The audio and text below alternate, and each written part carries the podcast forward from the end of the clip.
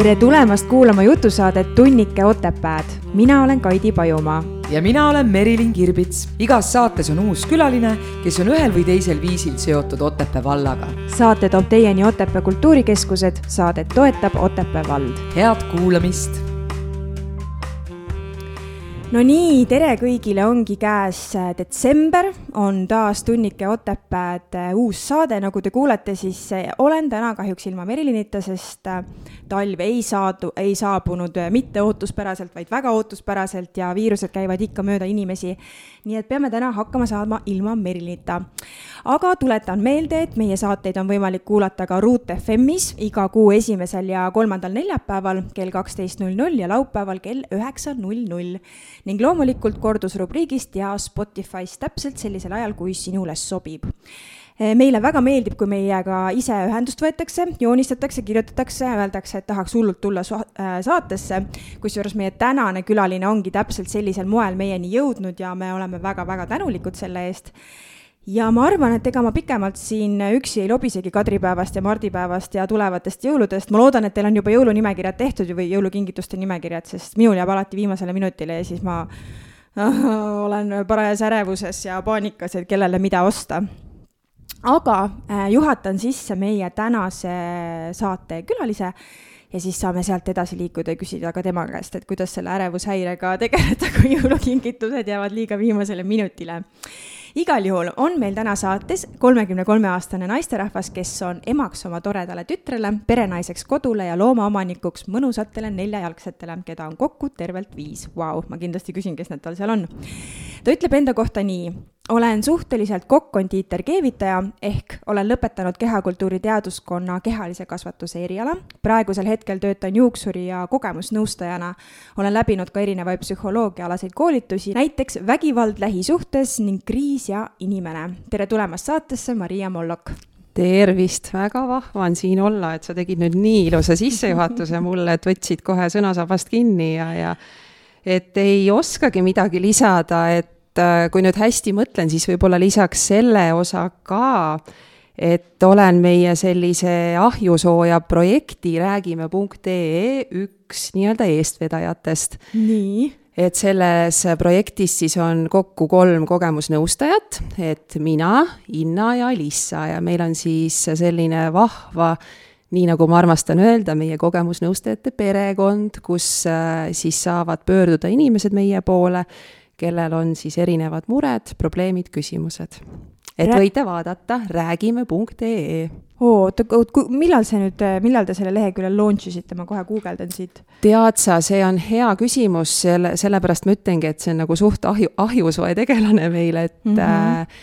et see on suht värske ikkagi, ma sulle kuupäevaliselt ei oska täpselt öelda, aga meil alles hiljuti oli ka siin Ring FM-is hommikuprogrammis rääkisime ja, ja minu artikkel ilmus Pere ja Kodu nii-öelda veebilehel ja siis meil oli ka hinnaga kahe peale Tartu Postimehes ilmus siis sellistel äh, vaimsetel teemadel üks, üks artikkel, et. Okei okay,, igal juhul mina olen siia kodulehele jõudnud mm -hmm. raagime.ee ehk siis ä ilma täpitähtedeta ja esimene lause, mis mulle väga meeldib kohe siin, on see, et kui probleemi on võimalik sõnastada, on seda võimalik ka lahendada, et ma ise arvan ka, et ei ole või ei ole olemas ühtegi lahendamatut olukorda, vaid on lihtsalt liiga piiratud fantaasia.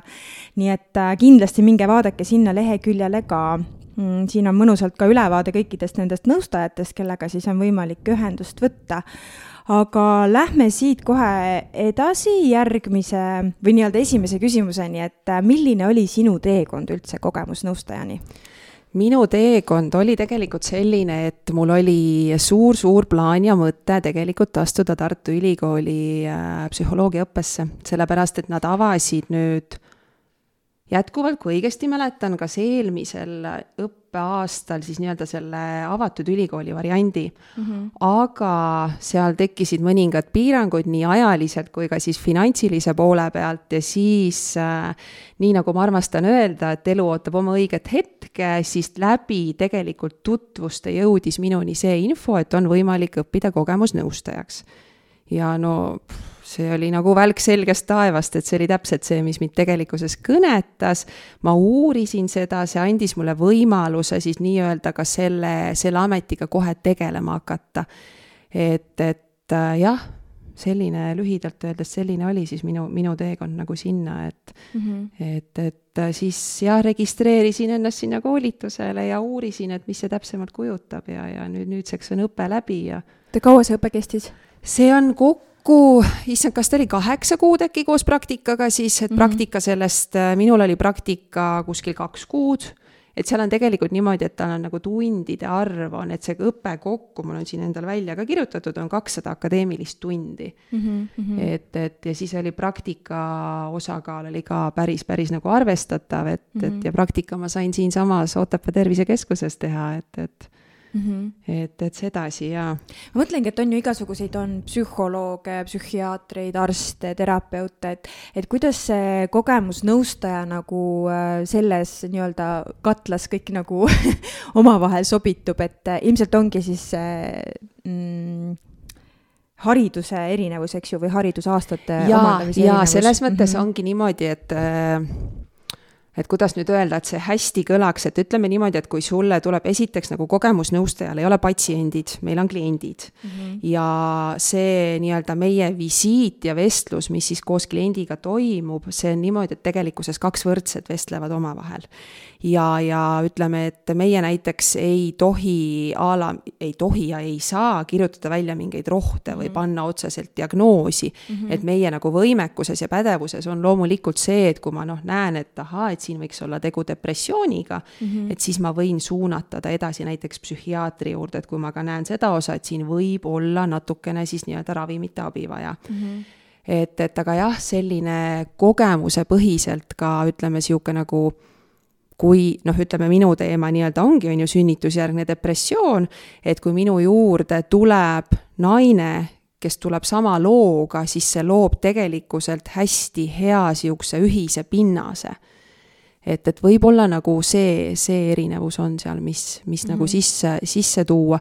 ja teine asi on, äh, nii nagu ma armastan ka öelda, et me oleme nagu see taustajõud seal Mm -hmm. et, et sest praegu on paraku nagu elu on näidanud seda, et just ka praeguses ajahetkes tegelikult on äh, päris palju on äh, noori, kes vajaksid psühholoogi, psühhiaatri abi, aga meil on see nii-öelda nende spetsialistide kättesaadavus on tegelikult suht limiteeritud mm, -hmm. kellel ei võimalda rahakott, kellel ei ole aega pakkuda et, et siis on nagu noh, see on selline väga, väga kurb tõdemus, aga siis tegelikkuses tekibki võimalus, et pöörduda pädeva nii-öelda kogemusnõustaja poole mm. -hmm. et põhimõtteliselt on siis niimoodi, et kui keegi nüüd kuulab seda saadet ja tunneb, et äh, tema on just nimelt selle probleemi ees või ootab näiteks oma psühholoogi või terapeudi aega, et kogemusnõustaja võiks siis olla justkui selline nagu esimene samm abi saamisel, et, et kui sa nagu tunned, et sinu sisse need tunded ja mõtted enam ei mahu ära ja tunned ennast väga üksi äh, kogu selles maailmas ja näiteks ei saa kohe arsti vastuvõtule, et siis võiks pöörduda just nimelt kogemusnõustaja juurde, et kas või lihtsalt tulla, juua teed ja, ja kas või vaikida või nutta ennast tühjaks, kui, kui ei ole muul ajal seda turvalist keskkonda seda teha, eks ju. absoluutselt mm, -hmm. väga ilusti selles mõttes öeldud mm, -hmm. et, et tihtipeale ju inimestel ongi seda vaja, et nad saaksid rääkida tegelikult mm, -hmm, et, et mhm. nad saaksid ennast tühjaks rääkida ja, ja, ja väga palju on selliseid olukordi, kus inimene räägib, räägib, räägib ja üks hetk ta on sihuke, et aga issand jumal aga ma ju tean, mida teha mm -hmm. või kuidas edasi minna mm. -hmm. et see on sellistel kergematel juhtudel, kui ei olegi otseselt tegu, ütleme sellise psüühilise häirega, et noh, kas depressioon või ärevushäire, et, et mm -hmm. aga jah meil tuleb välja, et meil on väga palju neid inimesi, kellel on äh, teiste nii-öelda usaldamisega raskusi ja kellel ei ole tugivõrgustikku.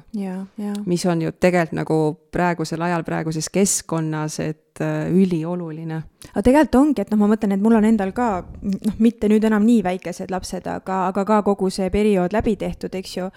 ja, ja öeldakse inglise keeles on ju selline hästi ilus lause, et it takes a village to raise a baby aga, ja eesti keeles siis öelduna, et noh, et selleks on vaja tervet küla, et kasvatada ühte last. ja aga tegelikkus on ju see, et tihtipeale me emadena oleme täiesti üksi, et noh, meil on küll vanemad, aga nad elavad kuskil kaugemal meist, mees on noh, esimesed võib-olla seal kaks-kolm nädalat saab kodus olla, aga siis peab tööle siirduma. sõbrannad jah, ka justkui on, aga samas on enda eludega hõivatud. ja siis sa oledki, jäädki kuidagi hästi üksi selle beebiga, eks ju, ja nende murede ja raskustega ja sellega, et kuidas nüüd selle uues maailmas nagu kohanduda, on ju, et või selles uues keskkonnas, et, et kui sa, noh, ma mäletan iseenda elust, et noh, rase oli jube tore olla ja kogu aeg ootasid ja mõtlesid, milline see beebi välja näeb ja ostsid neid uusi asju ja vaatasid neid väikseid riidekesi ja ja siis lõpuks on see beebi sul käes ja sa tuled koju ja kõik tundub nii võõras. et nagu mida nüüd, noh, mida ma nüüd tegema pean, on ju. absoluutselt. et kuidagi sellest perioodist räägitakse hästi vähe. Et väga palju keskendutakse sellele, et kuidas see sünnitus läheb, et see sünnitus oleks sul selline orgaaniline ja kõik oleks nagu toimiv ja korras, aga, aga need esimesed päevad seal kodus, no päris õudne. täiesti nõus sinuga selles mõttes, et, et mina ise ka nagu tagantjärgi just äh, mõtlen selle peale, et miks ei räägita nendest asjadest ausalt ja robustselt, nii nagu need asjad on mm. -hmm. see taastumine, need esimesed ööd, et miks ei valmistata tegelikkuses mitte ainult naist, vaid ka meest sealjuures ette selleks, et kuidas tema saaks nagu naisele toeks olla, sellele mm -hmm. lapsele toeks olla. et noh, sellest nagu vaimsest poolest rääkimata, et absoluutselt jaa, tegelikult me võime ju noh, mina samamoodi, ma olin oma vennalastega kokku puutunud, ma olin mähkmeid vahetanud, ma olin neid magama pannud mm, -hmm. ma olin nendega toimetanud, et see ei olnud võõras minu jaoks, aga siis tuli oma laps ja mm -hmm. sa mhm. olidki nagu nagu peata kana ühtpidi, et see olidki nagu sihuke, et oot, et aga nüüd ta on siin, aga mis ma nüüd peale hakkan mm, -hmm. et jaa. Maria, üks suund on äh, sünnitusjärgne depressioon, me kohe tuleme selle teema juurde tagasi ja lähme natukene sügavamale, aga me teeme siinkohal väikese pausi.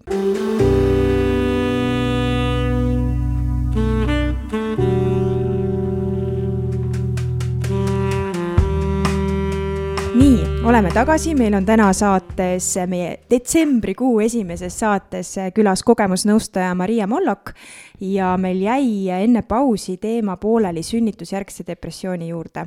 räägi mulle, Maria, mm, kuna sa oled kogemusnõustaja, siis ma eeldan seda, et sa ise oled selle sünnitusjärgse depressiooni läbi teinud absoluutselt mm, -hmm. ja. ja kui palju nagu tänapäeval üldse pöördutakse kas siis äh, kogemusnõustaja või teraapiasse üleüldiselt äh, just nimelt selle probleemiga?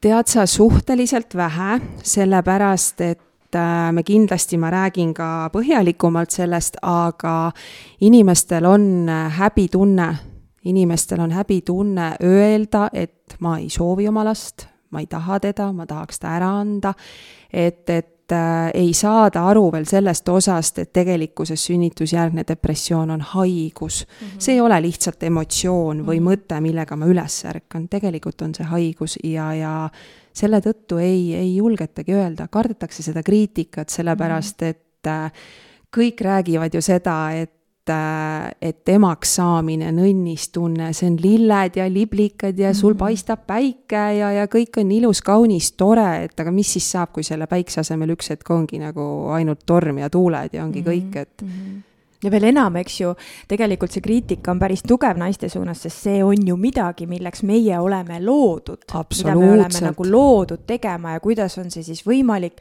et ma sünnitan ära, tulen selle terve ilusa tutuue beebiga koju ja mind ei valda ainult õndsad tunded, pigem valdab hirm ja teadmatus ja, ja, ja võib-olla ongi selline tohutu nukrameelsus, et et kuigi öeldakse, et see baby blues on ehk siis nagu selline beebi saamisjärgne kurvameelsus. see on emaduskurbus, on selle asja nimi. eks ju, et see võib kesta seal mõned nädalad või isegi võib-olla mõned kuud, aga millal on see, millal peaks ema siis nii-öelda nagu aru saama, et nüüd ei ole see enam see kurvameelsus, vaid tegemist on ikkagi juba sünnitusjärgse depressiooniga? tead sa, siin ongi võib-olla tegelikult hästi hea nagu üle minna selle peale, et, et ütleme selle sünnitusjärgse depressiooni peale, et äh, tavaliselt ütleme, see emaduskurbus, see nii-öelda baby blues, see on kuskil kaks nädalat. aa, niimoodi. see on mhm. kuskil kaks nädalat, kui need sümptomid hakkavad olema juba kuu aega ja sealt ülespoole siis mm -hmm. edasi, siis äh, peaks hakkama juba mõtlema selle peale ja kaaluma seda varianti, et võib olla tegu sünnitusjärgse depressiooniga mm. -hmm. ja see siis äh, loetlen äkki siinkohal siis mõned ja, sellised, äh, sellised asjad, äh, mis, mis sellega nagu kaasas käivad, et äh, minul endal näiteks esimese asjana oli arusaamatus, et mis minuga toimub üleüldse, sest tegelikult laps oli oodatud ja mm -hmm. väga tahetud laps mm. -hmm. ja, ja ematunde puudumine on üks selline tugevaid sümptomeid, mis kaasneb, et sinna siis see ematunde puudumine siis laiemalt see, et sa ei tunne armastust oma lapse osas, sa vaatad teda ja sa vaatad täiesti tühja apaatse pilguga, sul ei teki mingit sooja tunnet, sul ei teki neid niinimetatud lilli ja liblikaid. et, et äh, see osa ja, ja samamoodi äh, raskused siis ka selle ema rolliga kohanemisel, et sa ei saa elada oma elu nii, nagu sa tahaksid elada. sest -hmm. oma mõtetes ka mina lõin endale selle visiooni, et ma mõtlesin, et ohoh, et nüüd laps tuleb, on ju, et ma tegelikult saan kõike samamoodi teha. tegelikult mm -hmm. ei saa. sellega, mida kiiremini sa selle osaga aktsepteerid, et sinu elu muutub, seda parem sinule endale tegelikkuses on.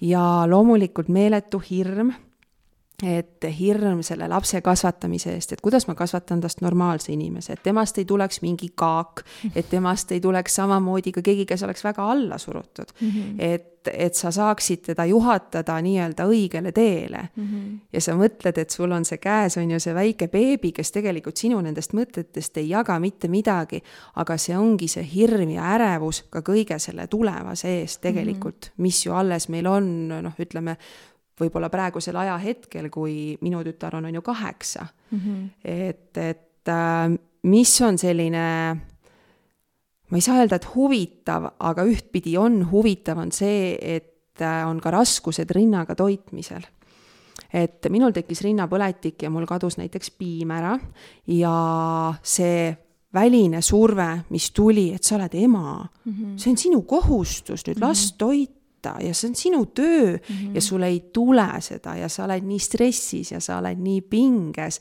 et see on ka, mis, mis nagu võib luua seda või võib öelda, et on üks nagu sünnitusjärgse depressiooni sellistest tunnustest.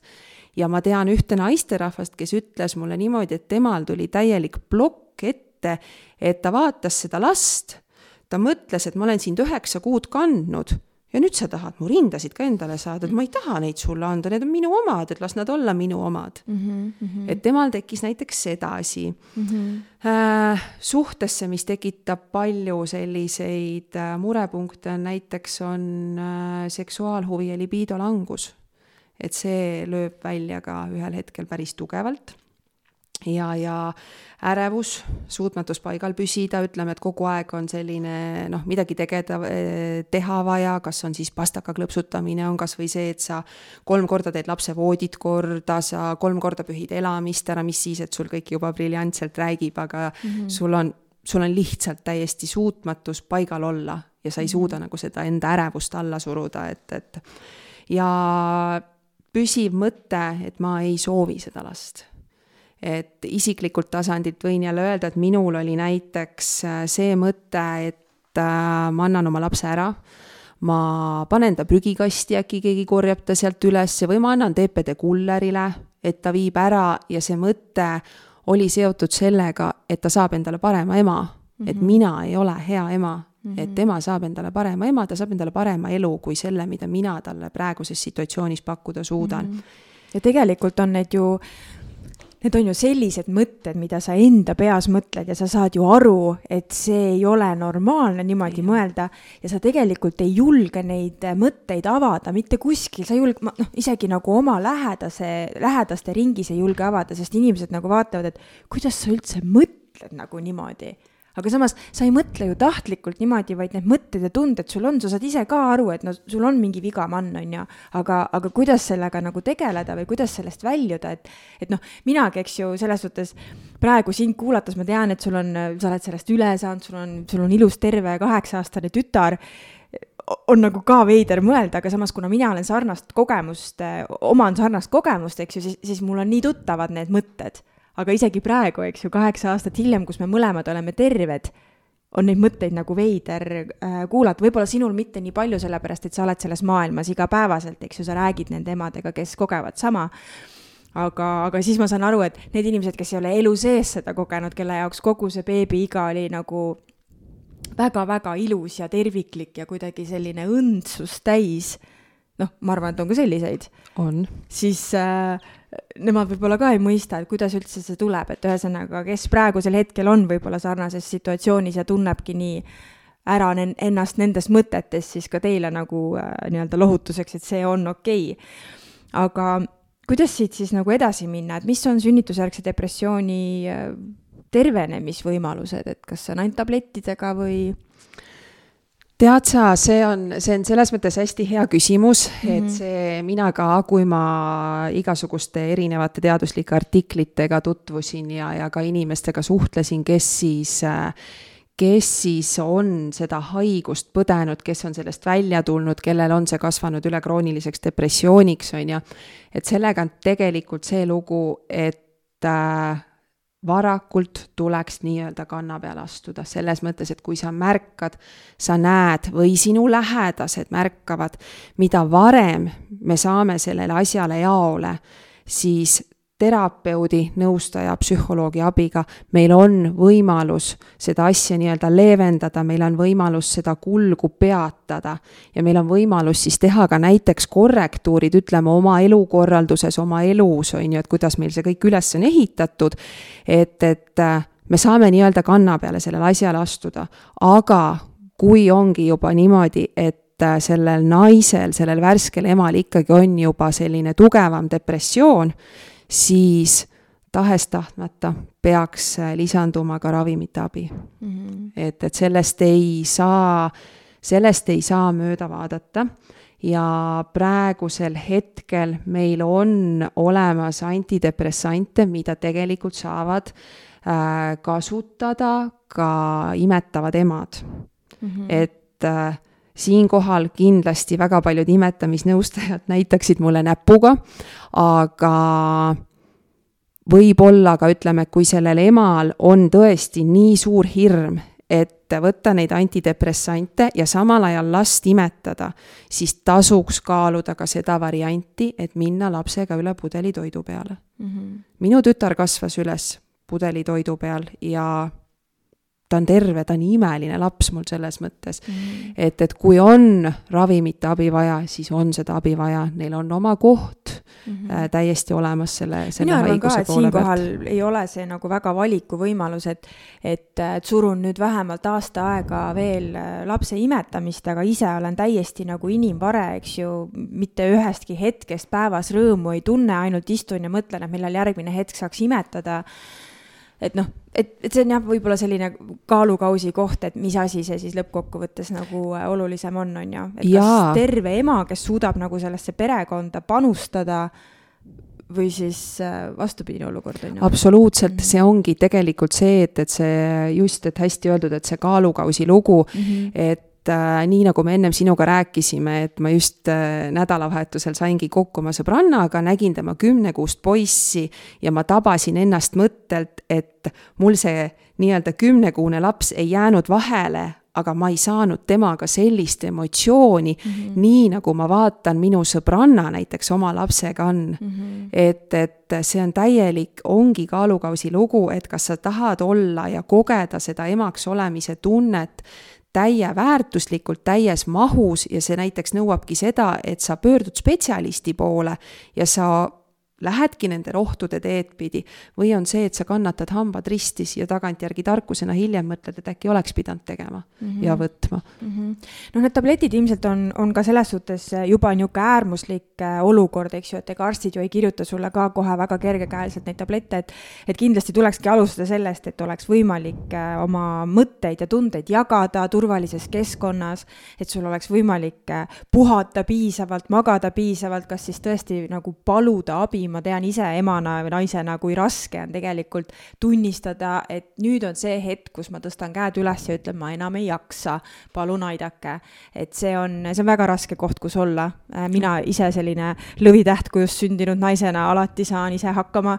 Äh, oli, oli väga keeruline, aga, aga teisalt ongi, võib-olla teinekord ongi vaja lihtsalt äh, sellist korralikku unerütmi fookust võib-olla ka endale tuua mingisugustel hetkedel, kas minna kas või trenni või, või leida taas enda hobi, et nagu kuidagi nagu noh, nagu ma ütlesin, on ju, et, et selleks on vaja küla, et kasvatada last, et tulebki selles olukorras see küla võtta enda selja taha ja öelda, et nüüd nüüd, nüüd on mul abi vaja. jaa mm, -hmm. absoluutselt, selles mõttes see on tegelikult on see ju iga nii-öelda paranemise ja tervenemisprotsessi üks ju nii-öelda põhialustalasid on see, et mhm. tunnista, et sul on abi vaja.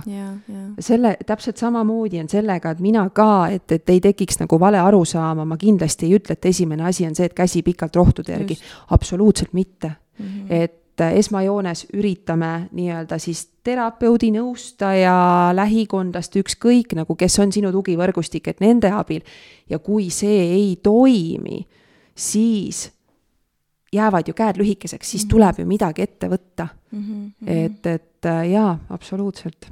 aga see on nüüd see sünnitusjärgse depressiooni lugu, et kas äh, millega veel inimesed võivad äh, ja saavad sinu poole pöörduda või see on ainult üks valdkond, millega sa tegeled?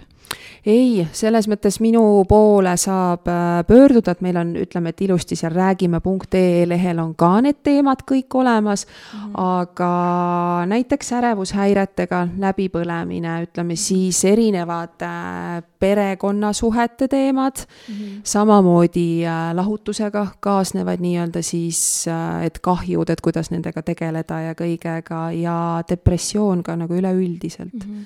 räägime korraks läbipõlemisest, et äh, see on tegelikult tänapäeva ühiskonnas hästi populaarne termin, mida kasutatakse võib-olla mõneti kas liiga hilja või teinekord liiga vara, et mis on, mis on sinu kogemuse põhjal läbipõlemise niisugused sümptomid, mille puhul võiks endasse, endale peeglisse vaadata ja ütelda, et oot-oot, nüüd läheb asi käest ära äh,?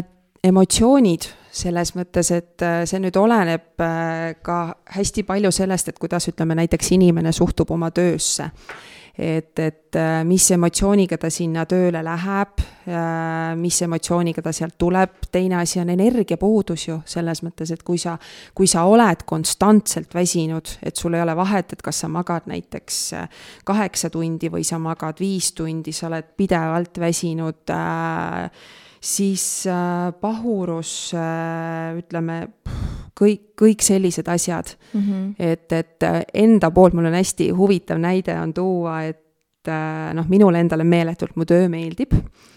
ja ühel hetkel ma sain aru, et ma olen läbipõlemise ääre peal, sellepärast et ma ei tahtnud enam tööle minna ma hakkasin nutma, ma lihtsalt nutsin ja nutsin ja nutsin ja siis ma sain aru, et see nutmine ei tule sellepärast, et mulle mu töö ei meeldi, vaid sellepärast, et ma olen nii paganama väsinud ja ma ei mhm. jaksa, ma ei jaksa emotsionaalselt, ma ei jaksa füüsiliselt ja tol perioodil oli hästi kihvt oli, me sõitsime siis Otepäält maale minu vanemate juurde ja sinna on kümne minuti tee ja ma jäin selle kümne minuti jooksul kaks korda autos magama niimoodi, et kui ma lõpuks maale kohale jõudsime, siis ma tegin silmad lahti ja mõtlesin, et ohoo, mis just toimus. ma loodan, et sa roolis ei olnud. ei, jumal tänatud, roolis ma ei olnud, et aga jah, see sihuke avastus oli, et siis, mhm. kus ma nagu ka iseendale astusin kanna peale, et mm. -hmm.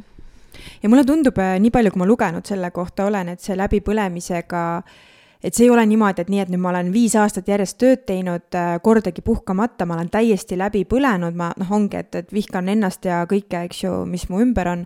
ja siis, et okei okay,, ma lähen, võtan siis kaks nädalat puhkust, et ma lähen nüüd kaks nädalat reisin näiteks. et, äh, et ma olen lugenud seda, et läbipõlemisest taastutakse kuid, mitte nädalaid või päevi. absoluutselt, see on ka mhm. see põhjus, miks mina näiteks ütlen seda, et sellele nii-öelda probleemile on lihtsam äh, nii-öelda kanna peale astuda ja mm -hmm. ennetada, kui see, et hakata sellest taastuma, see mm -hmm. võtab nii kaua aega mm, -hmm. see mhm. võtab tõsiselt kaua aega, see enda nii-öelda ülesputitamine, kasvõi sellised asjad, et sa suudad teha neid kodus elementaarseid asju, noh, a la ma ei tea, naiste puhul on ju nõusid pesta mm. -hmm. et, et kui sa ikkagi tabad, et üks hetk on see, et noh, sa ei jõua enam-vähem sõrme ka üles tõsta, et noh, siis on juba natukene hilja mm. -hmm. et seda. jah, ja siin ongi see, et kuidas ennast, kuidas ennast hoida, et, et ega teised inimesed ju ei tea, tea, palju sul seda tahtmist ja südikust ja energiavarusid on. et kui sa iseenda eest nagu ei seisa ja ei tõmba piiri, et kui tööpäev on läbi, siis tööpäev on läbi. ja siis ongi see, et sul on aeg iseendale, oma perele, lastele, kodule. ei istu seal sotsiaalmeedias, ei loe kodus töömeile, et mul ühel sõbral on niimoodi, et tal ei ole telefonis isegi äh, nii-öelda seda Gmaili äppi pandud, et tal ei ole võimalik minna telefoniga äh, Gmaili, noh, põhimõtteliselt jah, okei okay,, sa saaksid minna Google'is või nagu sellesse interneti brauseri kaudu, eks ju. ja tööläpakat ta koju kaasa ei võta juba sellepärast, et ei tekiks isegi seda kiusatust. ja, ja muidugi minu meelest ka see ei ütlemine et sa ei võtagi endale lisakohustusi, et mina olen iseenda elus nagu kogenud seda, et kui ma mingi aeg ei osanud öelda ei, kuidagi alateadlik soov olla alati kõigile meele järgi, eks ju, ja siis äh, noh, sa räägid, jaa, muidugi teen selle ära ja tolle ära ja kolmanda, sest ega keegi ei küsi su käest, kui sa ühel hetkel pahas tujus võib-olla järjepidevalt tööle tuled. või et äh, issand, et sa oled juba kolm nädalat meikimata või et nagu, et kas nagu sinuga on kõik hästi, väga harva küsitakse. jaa, aga vaata see, mis nagu konkreetselt seda läbipõlemist ja tööd puudutab, siis tegelikult äh, inimesed seovad hästi palju enda enesehinnangut ja enda nagu väärtust selle töö külge mm, -hmm. et mhm. mida roh rohkem tööd ma teen mm, -hmm. seda tublim ma olen mm. -hmm. et märkamata seda, et tegelikult, mis nagu sinna taustale jäävad, et noh mm -hmm., on see siis pere, on see koerad, kassid, on ju, lapsed, kes iganes, et mm. -hmm. ja süües kasvab isu mm. -hmm. mina oma tutvusringkonna pealt tean nagu seda, kuidas inimesed nihutavad neid piire tegelikult, et ahah, täna ma jõudsin ära teha, ma ei tea noh, ütleme, et nädalaga jõudsin ära lugeda kaks raamatut, on ju, siis jõudsin kolm kirjandit kirjutada ja veel jõudsin, ma ei tea, viis korda nädalas trennis ka käia.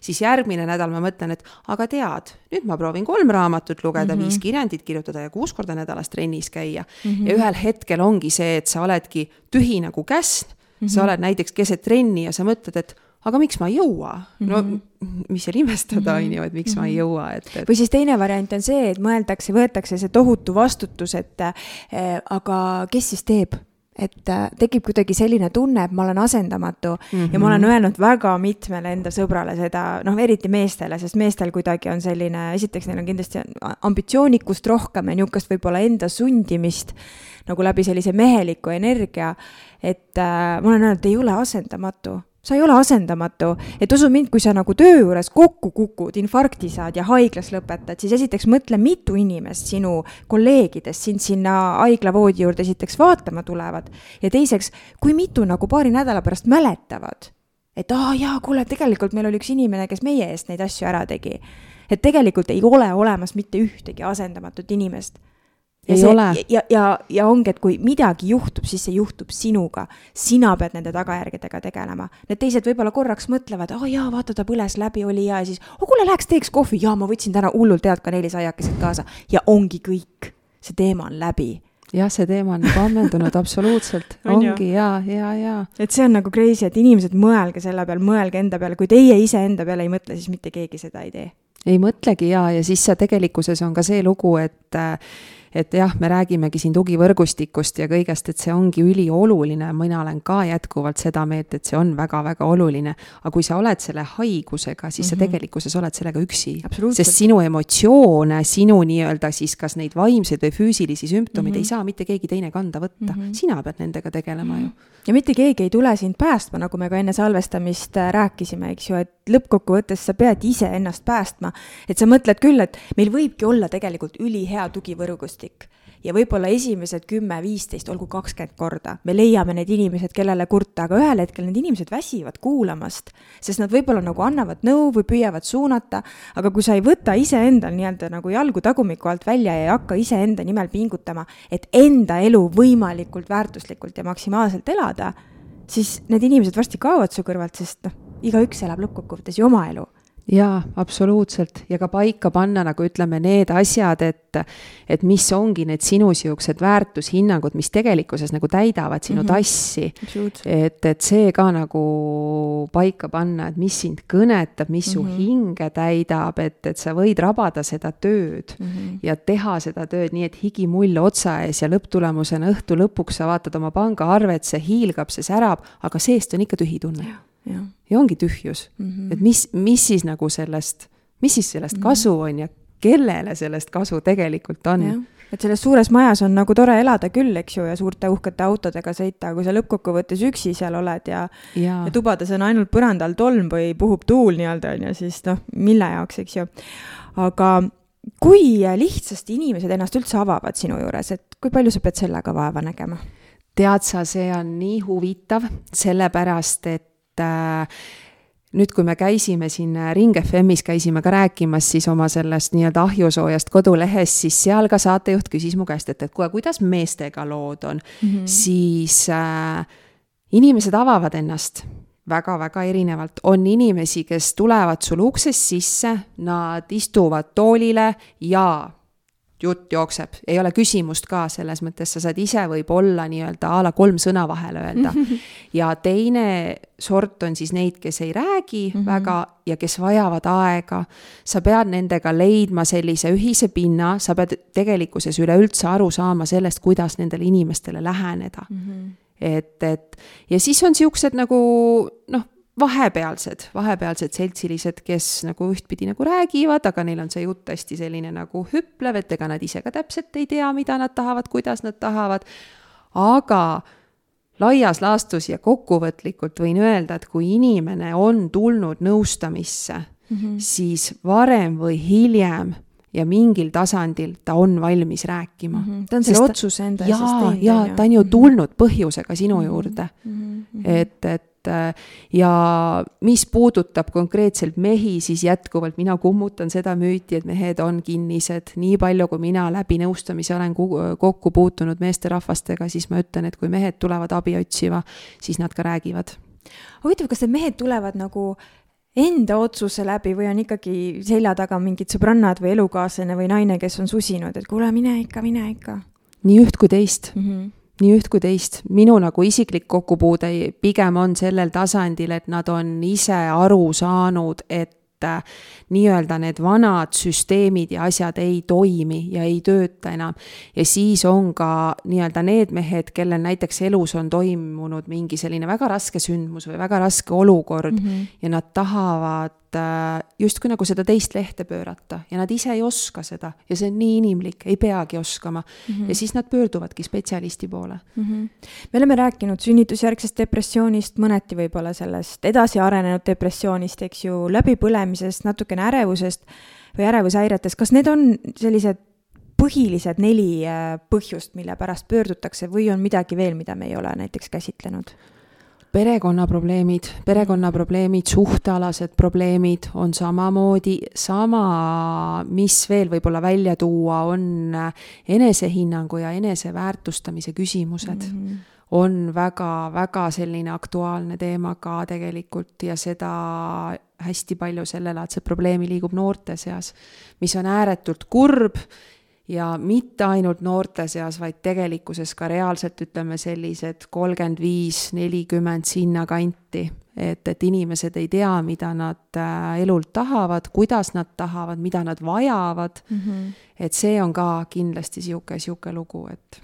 jah, ja ma arvan, et see on ka selle ma olen ise ka kirjutanud sellel, sellel teemal artikleid või postitusi, see sotsiaalmeedia võlu ja valu, et see pidev iseenda võrdlemine teistega ja see, et äh, kuidagi see maailm, milles me elame, me kuidagi näeme ainult seda teiste inimeste elude positiivset poolt, aga seda, seda rõvedat nii-öelda põlvini jamas olemist ja rügi, rük-, nagu edasi äh, kuidas ma siis ütlen, rühk, rühk, issand, ma ei leia eestikeelset sõna, rügamist või? rügamist, jah. jah, et seda nagu ei näe. musta tööd nii-öelda või nagu seda, on ju, mis sellega noh, nii-öelda kaasneb ja, ja kuidas või, see tegelikult on. või siis et... nendel piltidelt ka need tohutud, no ma ei tea, nüüd hakkab meil jõuluhooaeg, on ju, nüüd hakkavad järjest tulema need imelised il, ilusates jõulunurkades pildistamised, on ju, kõik need perepildid, kõik on ühtemoodi, kampsunitega ühtemoodi riided. ja siis oled näiteks vallaline või ei ole suhtes kõige parem hetk ja siis sa scroll'id ja vaatad neid pilte ja mõtled, miks miks minul ei võiks hästi olla? näe, tema istub seal oma mehe ja lastega ja kõik on nii naeratavad, onju, aga tegelikult me ei tea, mis enne seda võis olla.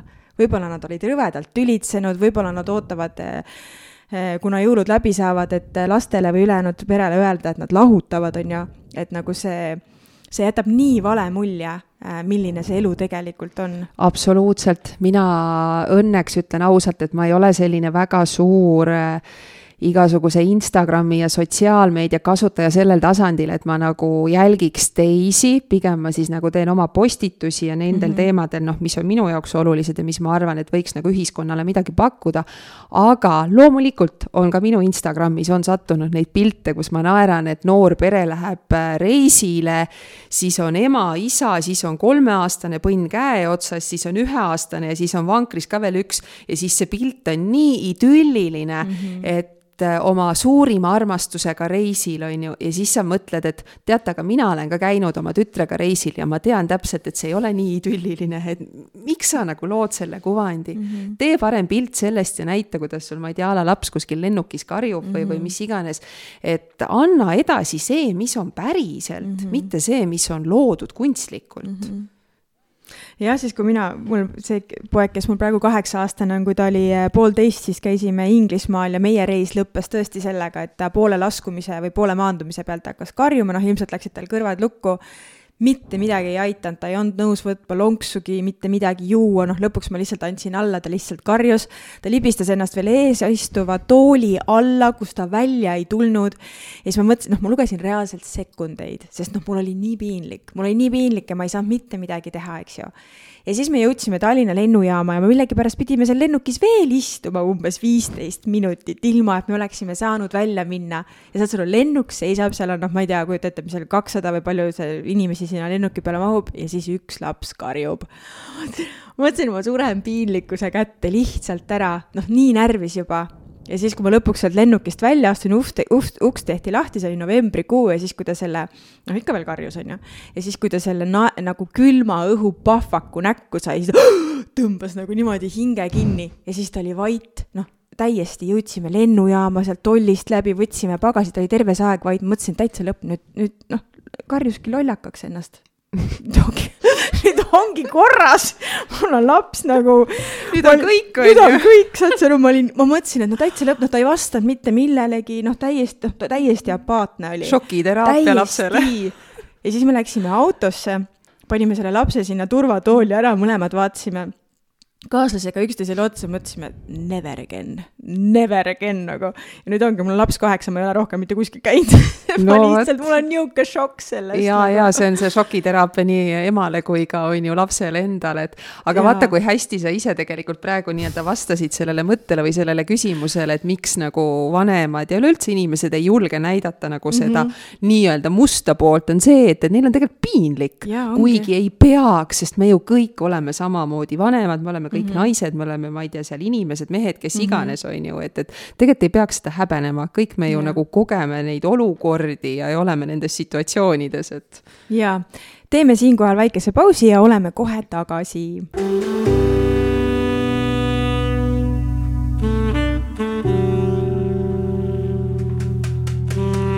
No nii, oleme tagasi meie detsembrikuu esimese tunnike Otepet saatega. külas on meil kogemusnõustaja Maria Mollok, kes ei ole siiamaani või kes alles nüüd liituvad meie saatega, siis kuulake meid kindlasti järgi laupäeval kell üheksa on võimalik kuulata kordussaadet Ruut FM-ist sagedusel üheksakümmend kuus koma kuus megahertsi. rääkisime Mariaga just lastega reisimisest ja sellest, et üks on see, kuidas näidatakse pilte, mis on täielik idüll ja siis mis on tegelikkus aga kui me räägime mm, kõikidest nendest äh, vähem ja rohkem äh, erinevate sümptomitega kaasnevatest haigustest, vaimsetest haigustest, kas me saame midagi iseenda jaoks kodus olles ära ka teha, kui näiteks ongi järjekord äh, ukse taga pikk ja ei saa kohe terapeudi juurde minna äh,? ütleme, et näitena, kui võtta nüüd näiteks see sünnitusjärgne depressioon teemaks, siis esimese asjana mina tooks välja selle, et äh, toidu valmistamine, osta valmis toit, see tundub nagu nii lihtne ja samas nagu selline veider pakkumine või väljaütlemine, aga noh, Tartus on võimalus, et sul Woldid, Boltid on ju mis iganes asjad, et et äh, ära pane seda enda kohustuseks, et sa pead äh, olema nii-öelda seesama kokk ka seal kogu aeg kodus olemas, et mm -hmm. lase kas mehel tuua valmis toit või naabril või sõbrannal, et sellised asjad. ja see mõte, et kodu peab läikima, puhas olema kohe viska prügikasti, sul on, kui laps magab, lähed sina magama pikutad koos lapsega, kui sa tunned, et sa ei taha magada, teed midagi, mis nii-öelda täidab sinu tassi, mis annab sulle võimaluse mõtetest eemale saada, olla rahulikult, on ju, ja, ja see koristamine, need torm, tolmurullid või noh, minu puhul oli siin see nii-öelda siis koera, koera karvarullid, mis seal mööda elamist veeresid, las nad veerevad selles mm -hmm. mõttes, et kellele ei meeldi, see on tema probleem. et mm, -hmm. et, et sellised nagu koduses sa saad nii palju teha, et sa lood selle keskkonna endale, mis sind toetab. ja mina soovitan ka väljas käia mm. -hmm. et, et mina seda, seda osa tegin, et ma läksin äh, küll koos lapsega, aga see mingis osas noh, natuke ta aitas, ja mingis -hmm. osas ta nagu ei aitanud, aga see oli samm sellest nagu rutiinist ja sellest välja, et see natukene lõhkus seda rutiini mm. -hmm. ja näiteks äh, pisikesed asjad on toidupoes käimised. et äh, konkreetselt ka nii-öelda sünnitusjärgse depressiooni põhjal see viisteist minutit äh, minna toidupoodi, osta see pakk piima ja koju tulla, sellel viieteist minutil on väga-väga suur väärtus tegelikult Mm -hmm. ja, ja kui, kui vaadata natuke kõrvale sellest äh, sünnitusjärgsest depressioonist, ütleme, et üleüldiselt, siis äh, on kulunud väljend, aga ütlen ka seda, et liikumine, et väljas mm -hmm. kõndimine, liikumine, et seda loomulikult juhul, kui ei ole tegu sügava depressiooniga et aga on selline madal, madalseis üleüldse nii-öelda elus, et siis väljas liikumine, tugivõrgustikuga suhtlemine, enda ümber siis äh, mina kutsun neid minu inimesteks, et äh, nende koondamine enda ümber mm, -hmm. et kes sind kuulavad, kes on su jaoks olemas hea muusika kõrvaklappidega mm, -hmm. see aitab ka natukene nii-öelda viia kõrvale neid äh, mõtteid mm. -hmm.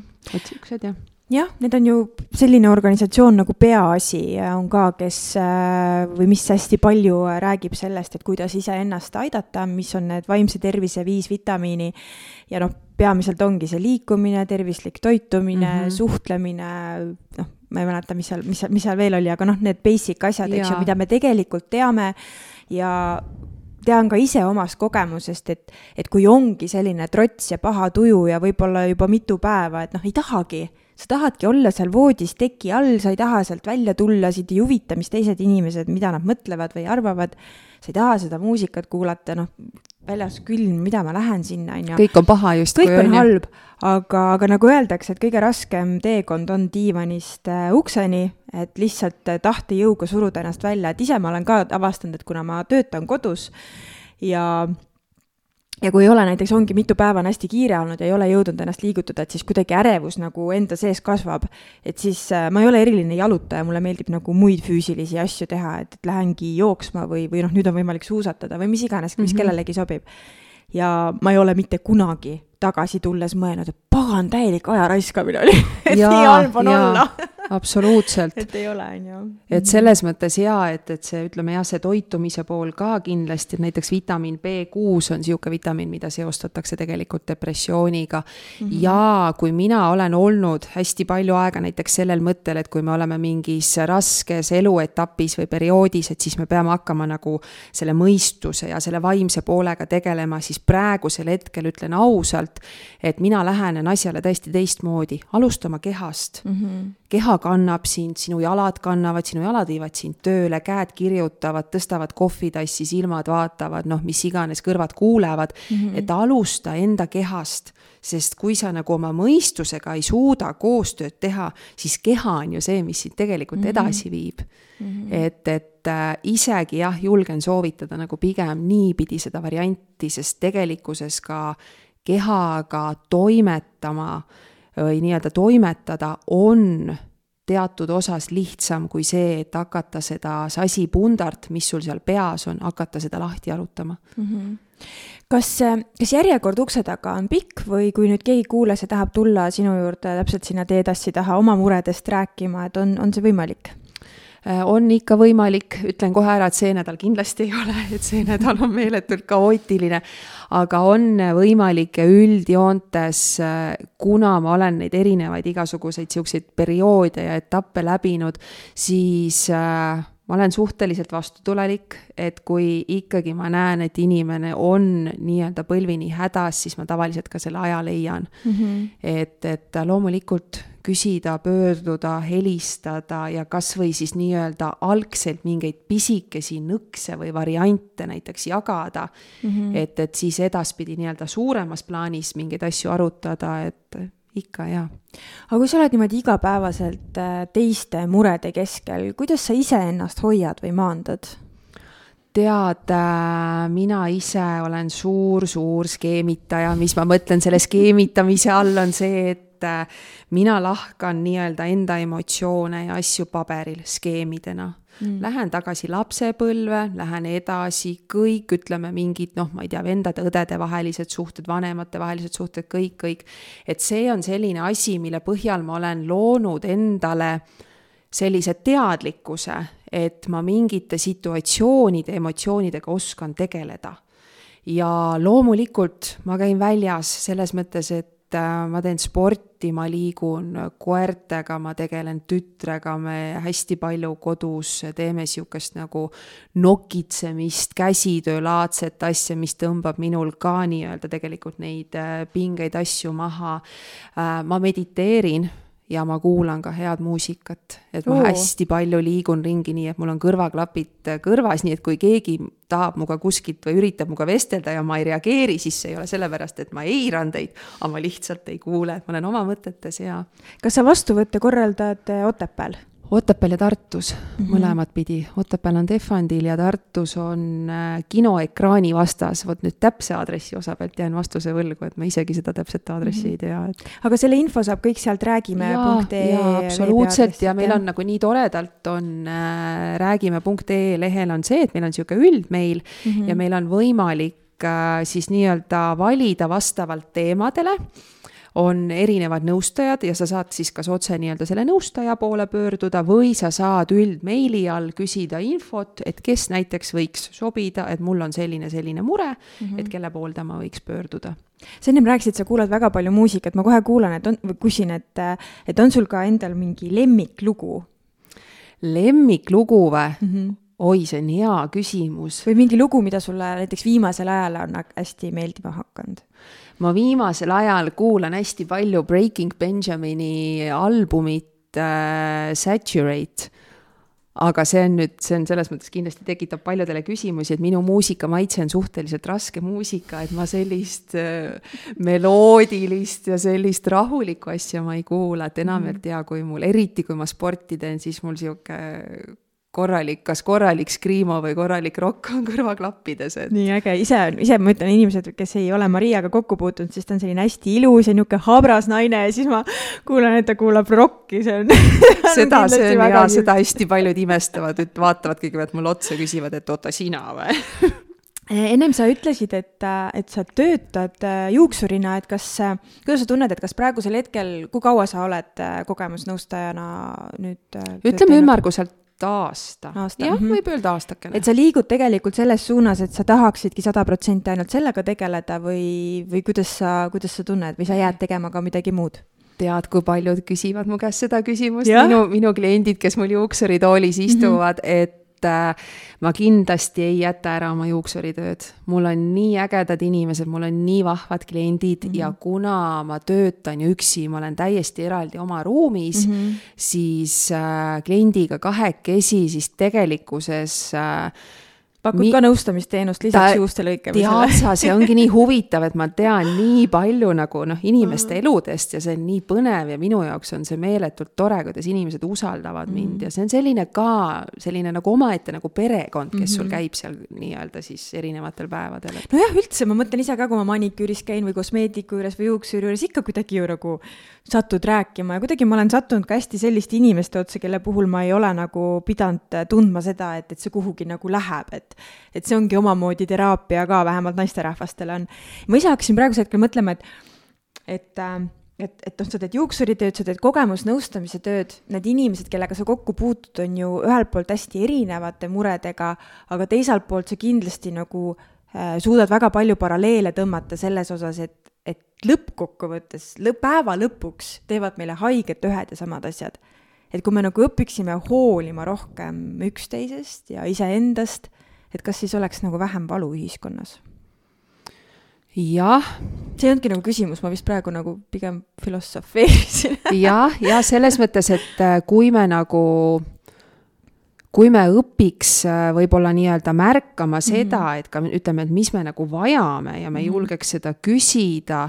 ja teine asi, et me ise pakuks ka sedasama mhm. inimestele mm. -hmm. et, et kindlasti väga palju asju muutuks ja mm -hmm. absoluutselt ja, ja tead sa, viimasel ajal on nagu tulnud teemaks hästi palju seda osa, et räägitakse suhetest, noh, ütleme seesama lahkuminekutest ja kõikidest nendest asjadest, et tegelikkuses, kui palju asju me jätame rääkimata mm. -hmm. ja me jätame rääkimata lihtsalt sellepärast, et meie ego ei luba mm. -hmm et see on nagu nii kurb, et tegelikult ja. inimesed, tehke suu lahti, kui te midagi tahate, te vajate mm, -hmm. siis küsige seda kunagi keegi, ma ei mäletagi, kes see ütles, kas see oli mu enda vanematest üks, ütles, et armasta iseennast ja ühte inimest veel ja sellest piisab. ja tegelikult nii ongi. jaa, absoluutselt. Maria, me oleme jõudnud meie saate viimase küsimuse juurde, see on selline lühike, peame otsad kokku tõmbama mm,. on sul mõni mõttetera või tsitaat, mis on sind kandnud näiteks terve elu või millele sa mõtled siis, kui ei ole olnud kõige kergem päev? Tead sa, on küll ja sealjuures see tegelikult on minuni tee jõudnud suht äh, nii-öelda hiljuti, et see on üks sihuke ingliskeelne lause, et äh, you can never lose if you don't give up. et ühesõnaga, sa ei saa mitte kunagi kaotada, kui sa ei anna alla mm. -hmm. ja nii, nii ongi, see on kuidagi selline mõte, see on hästi lühikene, hästi tabav ja see on mind väga palju edasi kandnud, et kui, kui ma ka tunnen, et mul on nagu mott maas ja, ja puudub niisugune distsipliin justkui nende asjadega tegeleda, siis mm -hmm. ma mhm. mõtlengi hästi palju selle peale, et, et tegelikkuses pinguta edasi, proovi edasi mm -hmm. ja saad, ikka saab, miks ei peaks, ei ole ju tegelikult ühtegi põhjust, miks ei peaks. absoluutselt aitäh sulle, Maria, et sa tulid, see aeg on läinud no nii kiiresti, mul oleks veel miljon küsimust ja, ja lugu, mida jagada ja sinuga muljetada, et võib-olla peame teinekord tegema teise või kolmanda osa no, veel. vabalt, neid teemasid ju jagub, on ju. ja, ja kõik kuulajad, aitäh, et te olite meiega see, see tunnike ja kui teil on tekkinud Maria osas küsimusi või tahate temaga isiklikult ühendust võtta, siis äh, raagime.ee on äh, veebilehekülg, kus tema kontaktid leiate. kindlasti võib talle ka Facebookis kirjutada ja, ja sama siis äh, ka mulle ja Merilinile, et kui sul on endal mõni lahe tuttav, kes tegeleb mingi ägeda asjaga, võta meiega ühendust või kui tahad ise saatesse tulla, siis täiesti vabalt kirjuta ja leiame sulle aja. aitäh sulle ja kaunist detsembri algust! täpselt nii, aitäh!